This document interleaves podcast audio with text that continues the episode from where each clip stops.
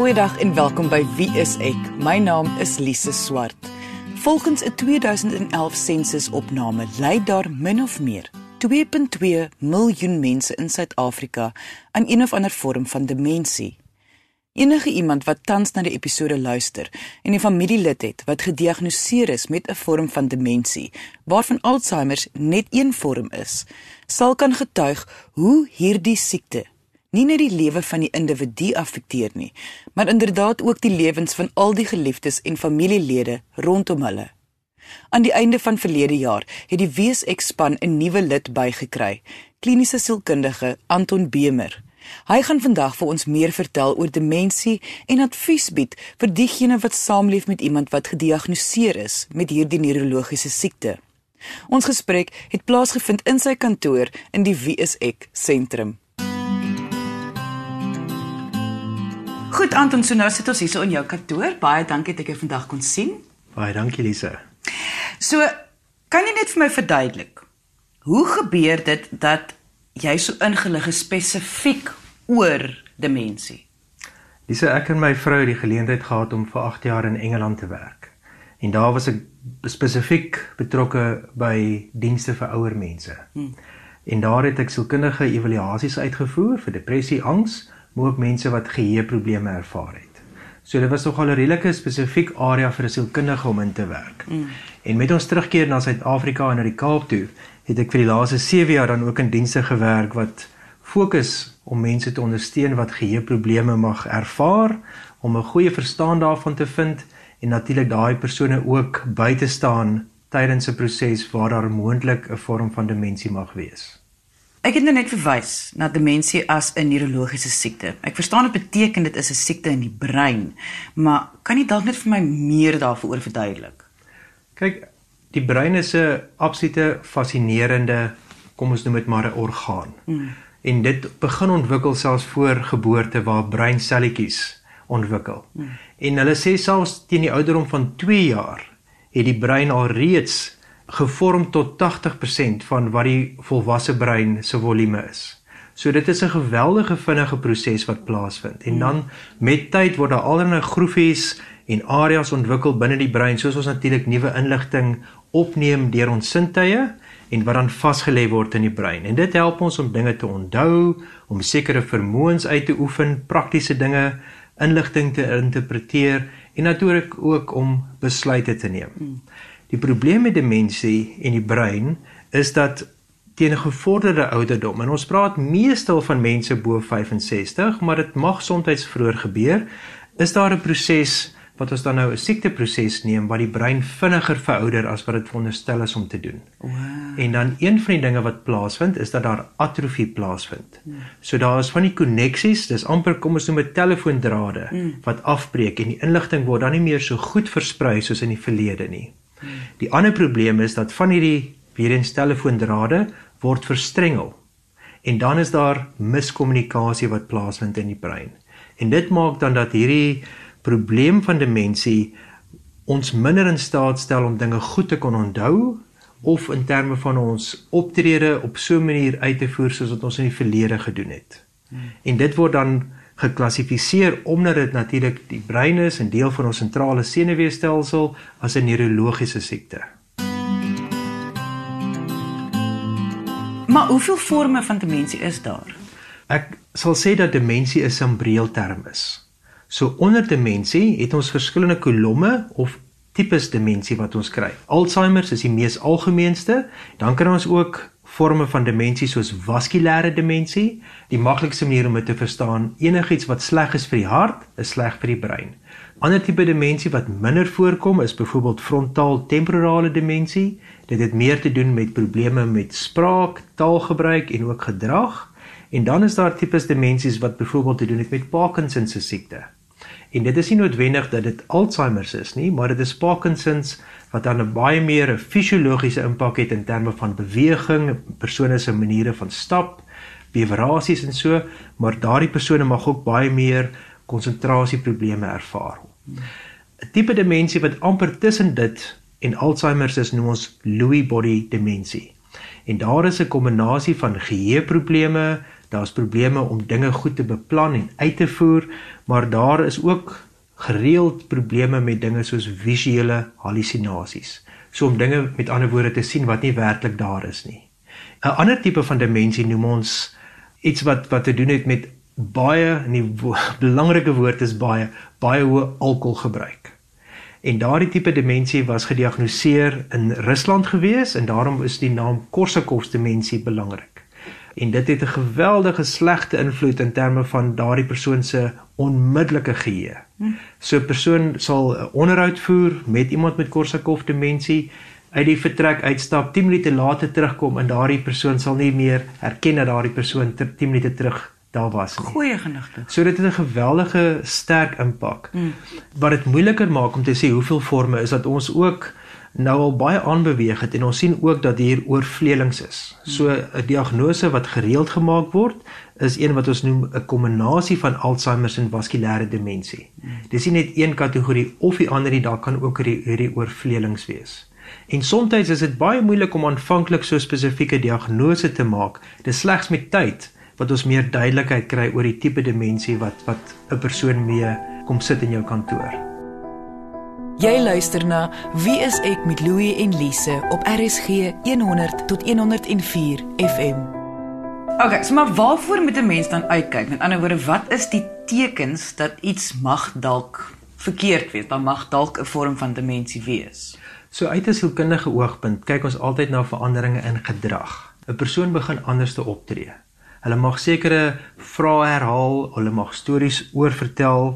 Hulle mag byvoorbeeld ook probleme hê met woorde dat hulle in plaas van te sê, ehm um, weet waar is die ketel, sal hulle sê waar is die ding is. Mm. Of die die wat sy naam nou weer? Wat wat wat, wat daai ding, daai tipe ding. Hy's mm. op die tippie van jou tong, maar jy kan nie die spesifieke woorde mm. kry nie. Ek dink die ander aspek wat mense ook moet raak sien is dat die persoon wat moontlik demensie mag hê, mag baie meer onttrek van byvoorbeeld sosiale geleenthede want hulle voel nie hulle die vertroue om meer dinge te doen in dieselfde manier as wat hulle in die verlede gedoen het nie. So daar mag angstigheid by hulle wees mm. en nie noodwendig dat hulle hulle vinger daarop kan lê nie, maar daardie persoon mag hulle self meer isoleer en wegtrek van ander mense. En dan kan mens ook kyk in terme van dat daar meer beduidende probleme mag wees. Vermoëns wat die persoon in die verlede gehad het. Iemand wat in die garage sou gaan sit en houtwerk doen het en dit nou minder en minder doen want hulle mag nou probleme hê om spesifieke meubels te maak of dinge reg te maak. Wanneer iemand diagnoseerbaar is met 'n vorm van demensie, beteken dit regtig dat hulle nooit genees gaan word nie. Dit is die hartseer deel daarvan. Want ongelukkig kan dit nie fisies genees word nie. Ons kan nie die oorlosie terugdraai nie. En die skade wat ongelukkig deur demensie aangerig word aan die brein is nie moontlik om te herstel nie.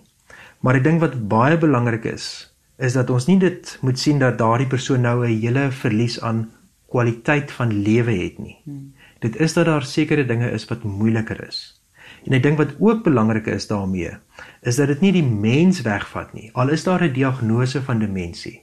So daardie menslike fokus is nog so belangrik, alhoewel dan 'n pad gestap moet word in terme van hoe mens daardie demensie of dit nou Alzheimer of wat ook al is, hanteer. En natuurlik ook die familie rondom daardie persoon ondersteun. Maar wat medikasie byvoorbeeld kan doen, is om 'n handrem op te trek. Want demensie is 'n progressiewe siekte. Met ander woorde, ongelukkig met tyd raak van hierdie simptome erger. Veral geheue. Maar medikasie help in terme van om 'n sekere stabiliteit daar te gee.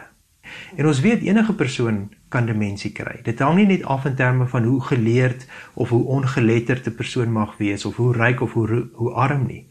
Maar die probleem is baie keer dat mense baie skaam is, bekommerd is om iemand te gaan sê luister ek vergeet dinge. Is daar dalk 'n probleem?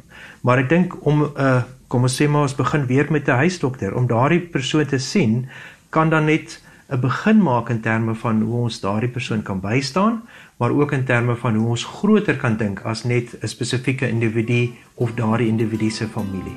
Vir meer inligting oor demensie of ondersteuningsgroepe, gaan na wieisek.co.za. Ek en een van Wie is ek se nuutste spanlede, kliniese sielkundige Anton Bemer, gesels vandag oor die neurologiese siekte demensie waaronder Alzheimer val. Voor die advertensiebreek het ons gekyk na die tekens waarvoor mense kan uitkyk en wat behandeling vir 'n individu kan beteken. Indien jy nou eers ingeskakel het en graag die eerste helfte van die program wil hoor, kan jy die potgooi gaan luister op RSG se webwerf. Dit is rsg.co.za. Voor ek en Anton ons gesprek in sy kantoor verder sit, gaan ons eers luister na 'n luisteraarsbrief wat juis handel oor demensie. Die brief word voorgeles deur wie is ek se assistent, Marie. Ek het dringend julle hulp nodig. Ek vermoed my man het Alzheimer. Oor die afgelope jaar het hy sporadies meer en meer dinge begin vergeet. Aanvanklik was dit heel normaal, soos dat hy nie sy sleutel kan vind nie. Toe begin vergeet hy van goed wat ek gesê het. Toe begin hy stories herhaal in gesprekke asof hy nie kan onthou hy het dit al vertel nie. 2 dae gelede het my dogter my gebel om hom te kom haal, want hy het by hulle huis opgedaag. Sy bly in 'n ander dorp. Hy het geen idee hoekom hy daar was nie. Ons het onlangs afgetree en ek het hoop nodig. As hy Alzheimer het, wat word dan van my? Ek kan nie sonder hom nie. Ons het 'n lewe vir onsself gebou waar dit net ek en hy is. Hy is my alles. Help asseblief. Gee my asseblief hoop. Anton, ek weet nie van jou nie, maar toe ek die eerste keer die brief gelees het, het ek sommer begin huil want my hart breek vir haar. Maar jy hoor hierdie noodkreet seker gereeld. Dit is baie hartseer om met gesinne of egpare te gesels oor soortgelyke woorde aan hierdie en ek hoor dit baie gereeld. Hmm. En natuurlik is die outomatiese reaksie om te wil wegvlug, hmm. om dit te probeer ontken. Hmm. En dit is dan asof alles wat in die toekoms mag gebeur bedreig word indien daar 'n vermoede is dat iemand dalk demensie mag hê. Maar ek dink dit beklemtoon weer eens waarom dit belangrik is om die regte professionele mense of groepe te gaan sien vir hulp en natuurlik vir ondersteuning. Alhoewel sy nie vra nie, wonder ek wel wat is die beste stappe om te neem wanneer iemand vermoed 'n geliefde is dalk diagnoseerbaar met 'n vorm van demensie. Ek dink dis belangrik op 'n baie uh basiese eerste vlak om net met jou huisdokter te praat daaroor. Net om 'n opinie te kry of daar dalk 'n probleem mag wees en 'n huisdokter kan 'n baie eenvoudige 30 punt vraagie vraelysie doen met 'n persoon en dan kan hulle sê oké, okay, ek dink dit is oké okay, of ons moet dalk bietjie verder gaan. Die tweede stap sal dan baie keer wees om 'n meer uh gedetailleerde of deeglike evaluasie te laat uitvoer en daaroor kan dan meer inligting verkry word in terme van spesifieke probleme. Ek dink wat ook baie baie baie baie belangrik is, is dat die persoon wat die demensie mag hê nog steeds gesien word as 'n persoon, as 'n individu en dat wat ook al in die toekoms mag gebeur, dat ons nie die hele proses onpersoonlik moet maak nie. Ek dink dit is 'n groot probleem in die verlede gewees dat die hele proses baie gefokus het op byvoorbeeld medikasie of dat die persoon die heeltyd gekorrigeer was in terme van jy sê die datum verkeerd, dit is nie vandag Saterdag nie, dit is vandag Vrydag. En dit skep net meer verwarring met die vir die persoon wat demensie het. En ek neem aan meer isolasie ook. As die persoon sal ook dan liewerste niks sê nie of niks doen nie. Hulle sal dan eerder stil bly. Hmm. Want hoekom wil jy die hele tyd foute maak? En hoekom wil jy die hele tyd gekorrigeer word? Hmm. Kom ons kyk nou terug na die brief. Sou jy vermoed die skrywer se man is dalk diagnoseerbaar met 'n vorm van demensie? Dit is baie moontlik. Die rede waarom ek so sê is dat sy vernoem dat hierdie probleme en ek weet nie of sy dagboek gehoue daarvan nie, maar dat dit al oor die afgelope jaar daar is. Dit is egter ook nie net klein probleempies soos byvoorbeeld om 'n sin te herhaal of 'n storie dalk te vergeet wat iemand vertel het nie. Dit het ook die meer beduidende probleme dat die persoon na 'n ander dorp toe gaan ry het en nie geweet het waarom hy daar opgedaag het nie. So daardie is baie meer problematiese gedrag. En dit is gereeld tipe tekens wat ons raak sien in terme van 'n vorm van demensie. En daarom is dit belangrik om te dink miskien moet ons hierdie 'n bietjie verder vat of bietjie in meer detail ondersoek om te kyk of daar 'n probleem is. Kan 'n geheueverlies nie ook dalk dui op ander sielkundige toestande nie? Verseker. Deur my evaluasies moet ek altyd in aanmerking neem watter invloed depressie mag hê of angstigheid.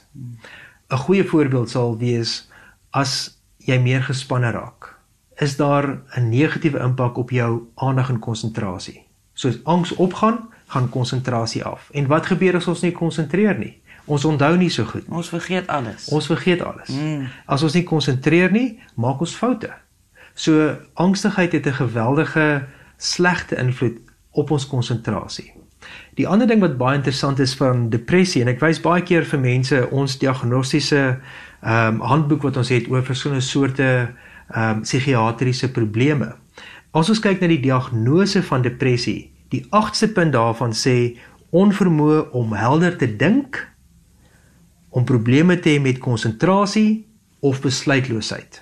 So depressie affekteer nie net hoe jy voel nie, Dit affekteer nie dinge soos byvoorbeeld jou genot wat jy kan put uit sekere stokperdjies of dinge te doen nie.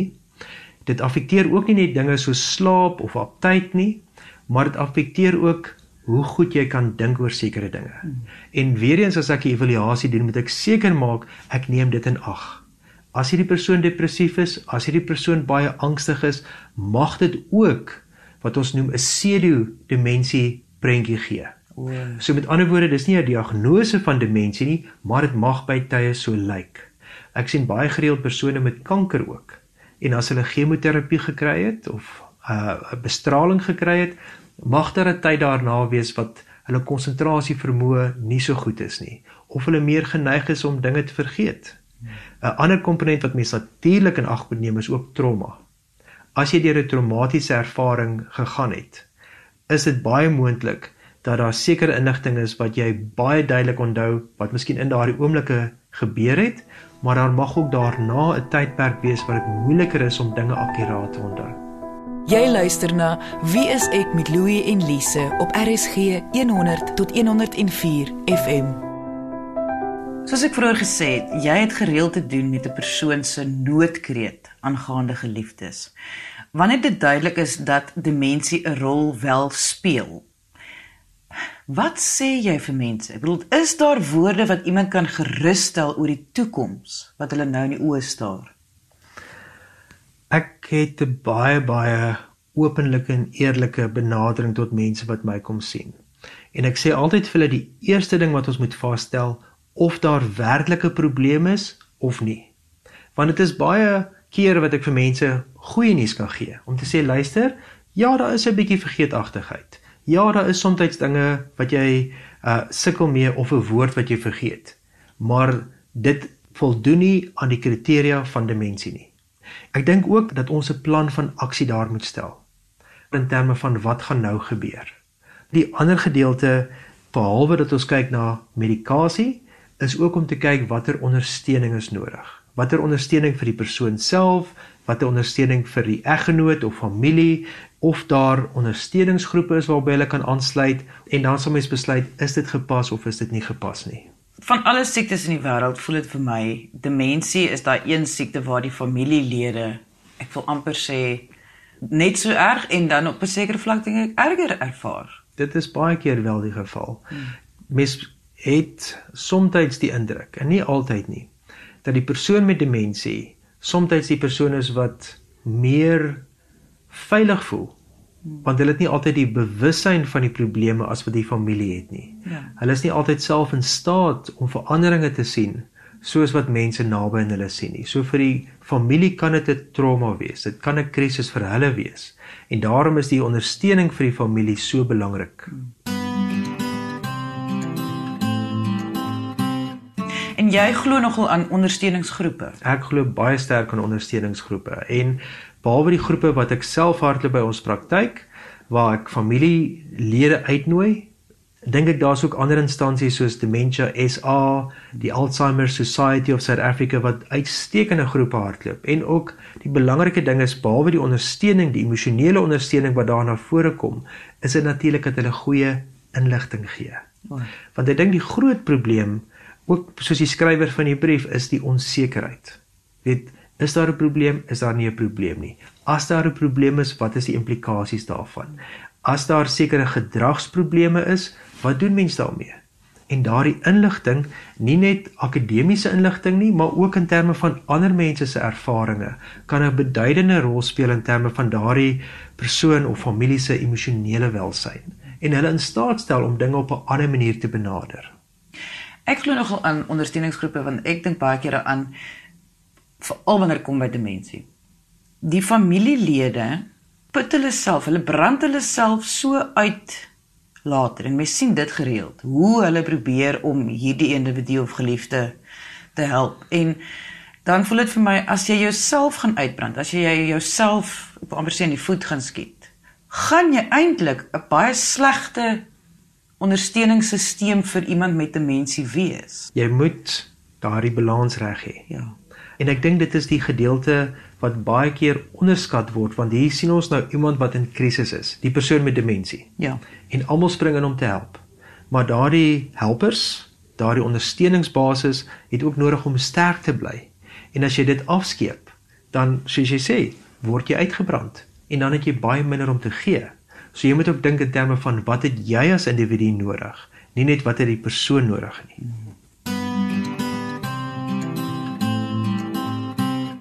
Voor ons afsluit, wat is jou laaste gedagtes wat jy graag nog wil deel? Die grootste verlies in hierdie hele proses is die persoon met demensie se ervaring van 'n verlies van self. En ek dink daarom is dit so belangrik waar in die verlede dit net gesien was as 'n neurologiese, 'n psigiatriese of 'n mediese probleem, dat ons dit moet sien as 'n mensgeoriënteerde proses waarin verskillende professionele persone betrokke raak om nog steeds daardie individu se menswaardigheid te bou en om daardie familie so te help dat hulle ook 'n perspektief daarop kan hê dat alhoewel dit moeilik is dat hulle nog steeds hierdie persoon se uniekheid sal raak sien, hulle vermoë sal respekteer en dat daardie persoon se verlede nie vergeet word nie. Voor ons afsluit, wil ek net vir luisteraars herinner, indien enige iemand wat vandag luister meer vra oor demensie het, by 'n ondersteuningsgroep wil aansluit of net jou storie met ander mense wil deel, kan jy ons kontak deur ons webwerf. Dit is wieisek.co.za of gaan na ons Facebookblad onder wie is ek SA. Dankie dat jy vandag ingeskakel het. Ons maak weer so volgende Vrydag 12:30 net hier op RSG. Jy moet 'n heerlike naweek hê he, en onthou, kyk mooi na jouself.